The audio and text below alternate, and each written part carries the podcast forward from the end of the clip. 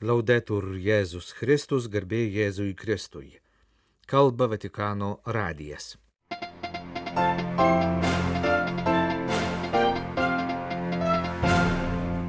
Popiežius Pranciškus ketvirtadienio rytą susitiko su grupe budistų iš Taivano ir su Libano premjeru. Šventojo sosto atstovas dalyvavo Europos saugumo ir bendradarbiavimo organizacijos susitikime skirtame laisvos žiniasklaidos svarbai.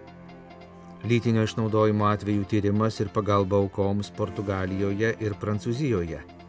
Į Romos panteoną pamaldų dalyviams įėjimas laisvas, bet turistai turės mokėti. Ketvirtadienį kovo 16-ąją popiežius Pranciškus prieėmė Taivano budistų grupę, kurią kelionėje į Romą lydi ir keletas vietinės katalikų bendruomenės atstovų. La vostra presenza oggi testimonia lo spirito di amicizia, di collaborazione che coltivate come credenti, saldamente radicati nei vostri rispettivi percorsi religiosi. Jūsų buvimas čia šiandien liudyja apie draugystės ir bendradarbiavimo dvasę, kurią puoselėjate kaip tikintieji tvirtai įsišaknyje savo religinėse tradicijose, sakė jiems Pranciškus. Pasak jo, tokios tarp religinės iniciatyvos kaip ši bendra katalikų ir budistų kelionė į Romą prisideda prie susitikimo kultūros skatinimo, drąsina atsiverti kitiems, priimti juos kaip draugus, brolius ir seseris nebijodami skirtingumo, priimdami kitus, stengdamiesi daugiau apie juos sužinoti, geriau pažįstame ir save pačius. Susitikimo kultūra tiesia tiltus ir atveria langus, padeda pažinti vertybės, kurios yra svarbios kitiems, bei principus, kurie juos įkvepia.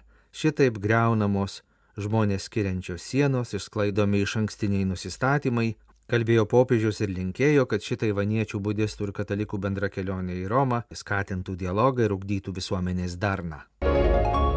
Ketvirtadienio kovo 16 rytą popiežius Pranciškus priėmė Nadžibą Mikatį, laikinai einantį pareigas Libano premjerą. Po popiežiaus audiencijos Libano vyriausybės vadovas taip pat susitiko su valstybės sekretoriumi kardinolu Pietro Parolinu ir sekretoriumi santykiams su valstybėmis ir tarptautinėmis organizacijomis arkivyskupu Polo Richardu Galageriu. Šventojo sostos spaudos salė informuoja, kad per susitikimus buvo pakartotas susirūpinimas sunkia Libano gyventojų socialinė ir ekonominė padėtimi, kurią apsunkina institucinė aklavietė, kurioje atsidūrė šalis laukianti naujo prezidento rinkimų buvo pabrėžta krikščionių buvimo Libane ir visuose artimuosiuose rytuose svarba, bei pakartota, kad reikia stiprinti taikų, skirtingų religijų libaniečių sambuvį siekiant užtikrinti taiką ir stabilumą visame regione. Pastangos remti žiniasklaidos laisvę ir jos teigiamą poveikį taikai bei saugumui turėtų būti grindžiamos bendru supratimu apie jos vaidmenį, tarnaujant, remiant ir saugant žmogaus orumą. Šventojo sosto misijos vardu pareiškė kunigas Giuseppe Francone, kalbėdamas Europos saugumo ir bendradarbiavimo organizacijos ESBO diskusijoje apie žiniasklaidos laisvę ir saugumą. Žiniasklaida turi pripažinti, jog jos laisvė yra tam tikra žmogaus teisės į saviriškos laisvę išraiška ir kad, kaip ir su kiekviena žmogaus teise, yra pareigų ir atsakomybių, kurių negalima nepaisyti Tęsė Vatikano diplomatas, pasak kurio žiniasklaidos priemonės ir žurnalistai tarnauja bendrajam gėriui, teikdami būtiną ir korektišką informaciją. O ši politinių sprendimų prieimėjams bei tarptautiniai visuomeniai padeda daryti atsakingus ir faktais pagrystus pasirinkimus. Panašiai žiniasklaida padeda visuomeniai, nes leidžia piliečiams informuotai dalyvauti politiniuose procesuose, nustatyti ir kartu siekti gerų bei teisingų tikslų. Pasak kunigo Giuseppe Francone, žurnalisto vaidmuo itin ryškus konfliktuose. Žurnalistai rengdami tikslius ir nešališkus reportažus suteikia pasauliui galimybę susipažinti su konfliktais taip, kaip oficiali arba vyriausybinė informacija negali ar neturi laisvės pateikti, pridūrė jis pasakodami apie žmonių kančią, apšviesdami aukų situaciją. Žurnalistai pavyzdiniu būdu perteikia tai, ko visuomenė gali tikėtis iš drąsios, teisingos ir sąžiningos žiniasklaidos. Žodis, taikos kalba, kaip prašė popiežius Pranciškus paskutinėje žiniuje pasauliniai socialinių komunikacijų dienai, gali nuginkluoti sielas ir širdis, neapykantos vietas paversti susitaikymo vietomis. Popiežius pakvietė ir žurnalistus, sakė Šventojo Sosto misijos atstovas Esbo, komunikuoti tokiu būdu, kuris nedidina priešiškumo, bet atveria susikalbėjimo galimybę. Atsiliepdama į popiežiaus pranciškaus kvietimą skirti specialią dieną seksualinio išnaudojimo, piknaudžiavimo valdžia ir sąžinė aukoms, 2021 metais Prancūzijos viskupų konferencija nusprendė tokią dieną minėti trečiąjį gavėnius penktadienį. Šiemet kovo 17 dieną ar praktiniais sumetimais artimiausią savaitgalį. Pasak Prancūzijos viskupų konferencijos pareiškimo, viskupijos ir parapijos kviečiamos kartu su tikinčiaisiais surenkti vieną ar daugiau specialių aukų atminimo ir maldos dienų Šis laikas bažnyčioje taip pat skiriamas tam, kad visi suvoktų būtinybę užkirsti kelią ir imtis veiksmų, kad būtų išvengta visų silovadinių ir žmogiškų situacijų, galinčių sukelti kokio nors pobūdžio prievartą pažeidžiamiausių asmenų atžvilgiu. Šiomis dienomis Potie miesto arkivyskupas Paskalis Vinceris išleido knygą Seksualiniai išnaudojimai katalikų bažnyčioje - nuo skandalų iki reformų, kurioje svarsto ne vien apie pačią išnaudojimų problemą, apie kurią prieš pusantrų metų nepriklausoma komisija pačios Prancūzijos viskupų konferencijos prašymų parengė ir 2021 spalio mėnesį pristatė skaudžią ataskaitą. Arkiviskupas Paskalis Vinceris pastebi, kad po to daug žmonių paprasčiausiai nebekreipė dėmesio į tai, ką kalba jis ar kiti ganytojai ir galima suprasti kodėl. Prancūzų arkivyskupas svarsto apie funkcijų tarp dvasininkų ir pasauliečių perskirstimą, apie moterų vaidmens didėjimą, apie vedusius kunigus, apie kitokį nei iki šiol biskupijų ir parapijų reikalų tvarkymą. Galima pridurti, kad artimiausiame Prancūzijos biskupų susitikime, kuris įvyks kovo 28-31 dienomis Liurde bus vėl sugrįžta prie seksualinių išnaudojimų bei piknaudžiavimo gale ir sąžinę temų. Po 2021 metų nepriklausomos komisijos pusšešto šimto puslapio ataskaitos apėmusios ne vien pačius išnaudojimus, bet ir įvairius teisinius, kultūrinius, teologinius pjūvius, Pateikusios daug rekomendacijų, viskupijose buvo sukurtos darbo grupės, kurios studijavo šį dokumentą, pačios teikė išvalgas ir pasiūlymus, kurie ir bus apžvelgti susitikime Liurde kovo pabaigoje. Portugalijos viskupų konferencijos pirmininkas vyskupas Jose Ornelas Karvalijo su nacionalinė nepilnamečio apsaugos komisijų koordinavimo grupe aptarė naujos institucijos steigimą, kuri padėtų lytinio išnaudojimo aukoms.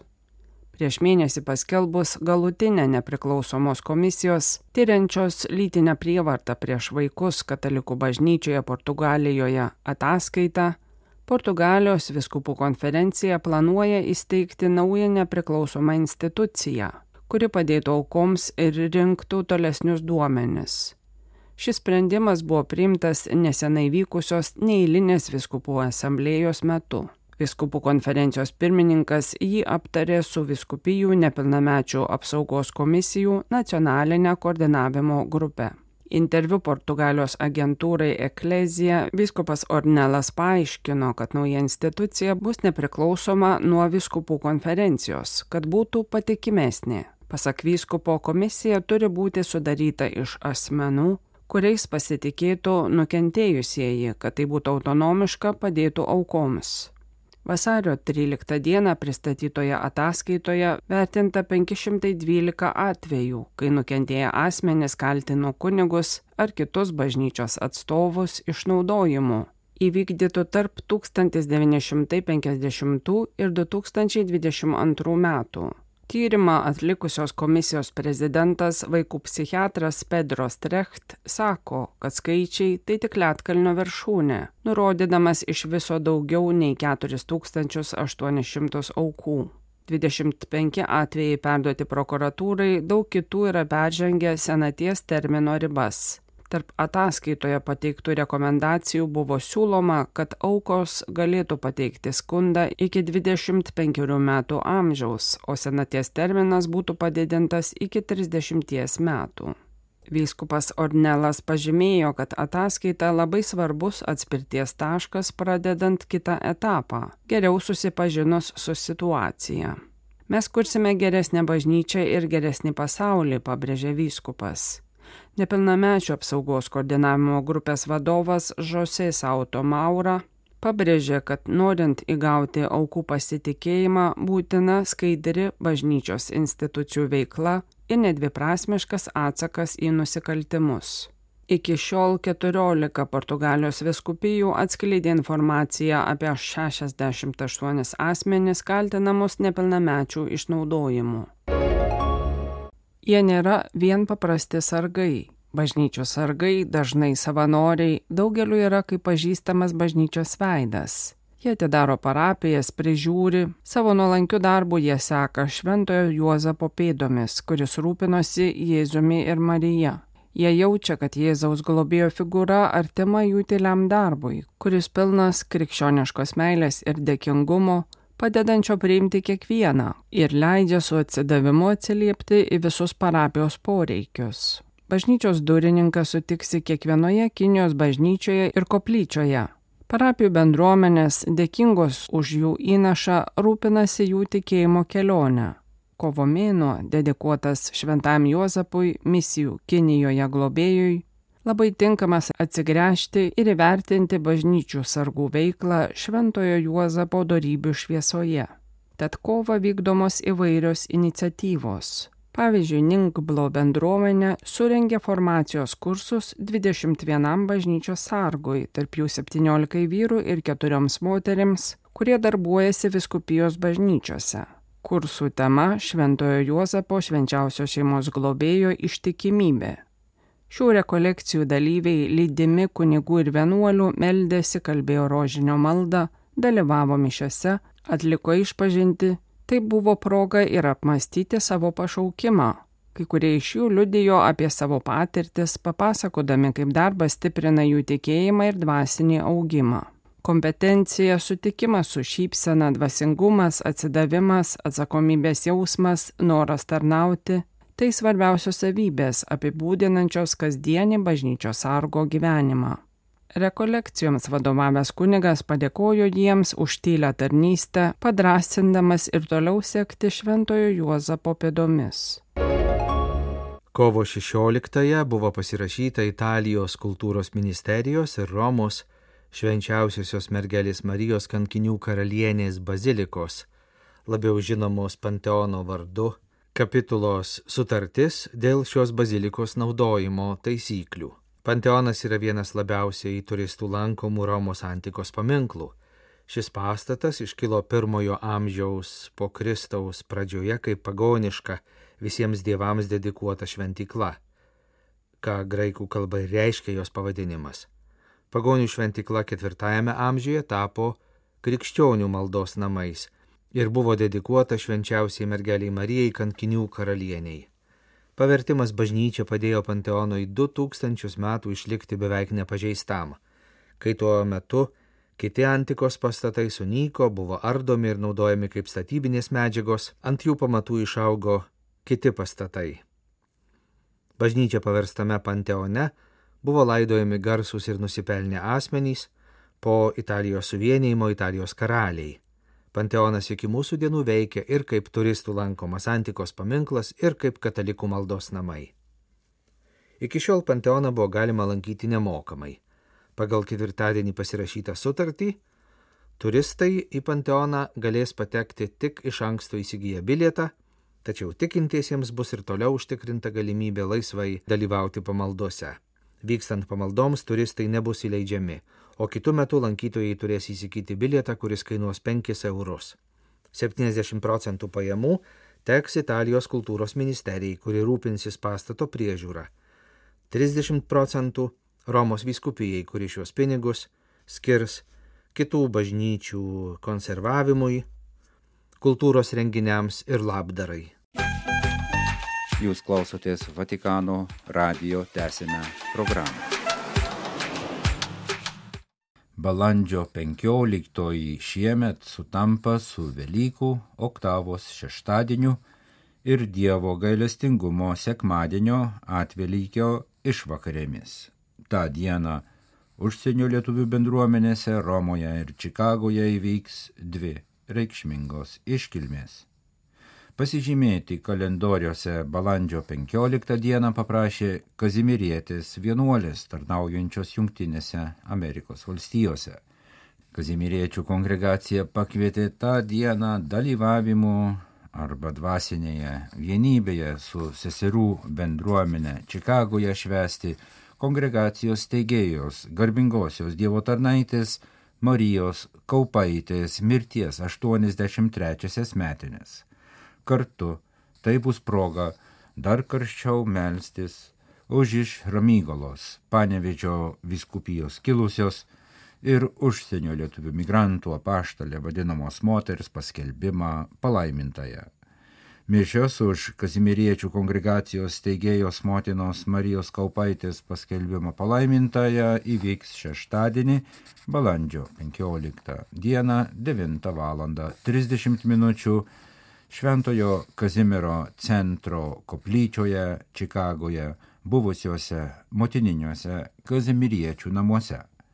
Po mišių Šventojo Kazimiero centro šventoriuje įvyks paminklo kongregacijos bendras teigėjui ir kapelionui kunigui Antanui Staniukynui atšventinimo ceremonija.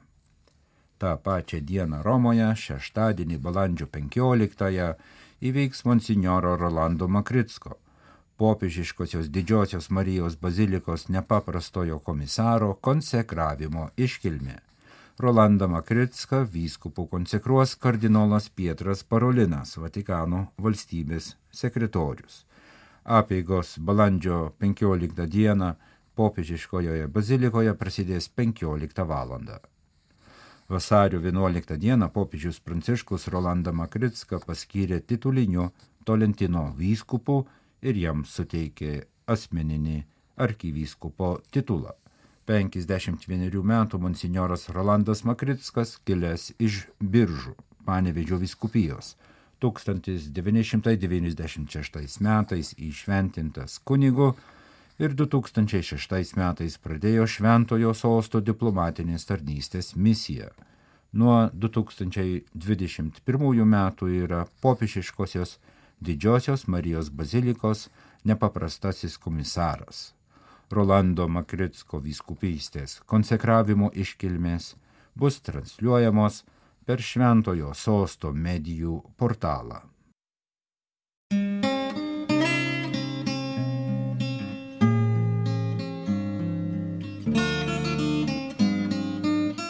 Kalba Vatikano radijas. Laidą lietuvių kalba baigėme. Garbė Jėzui Kristui, laudetur Jėzus Kristus.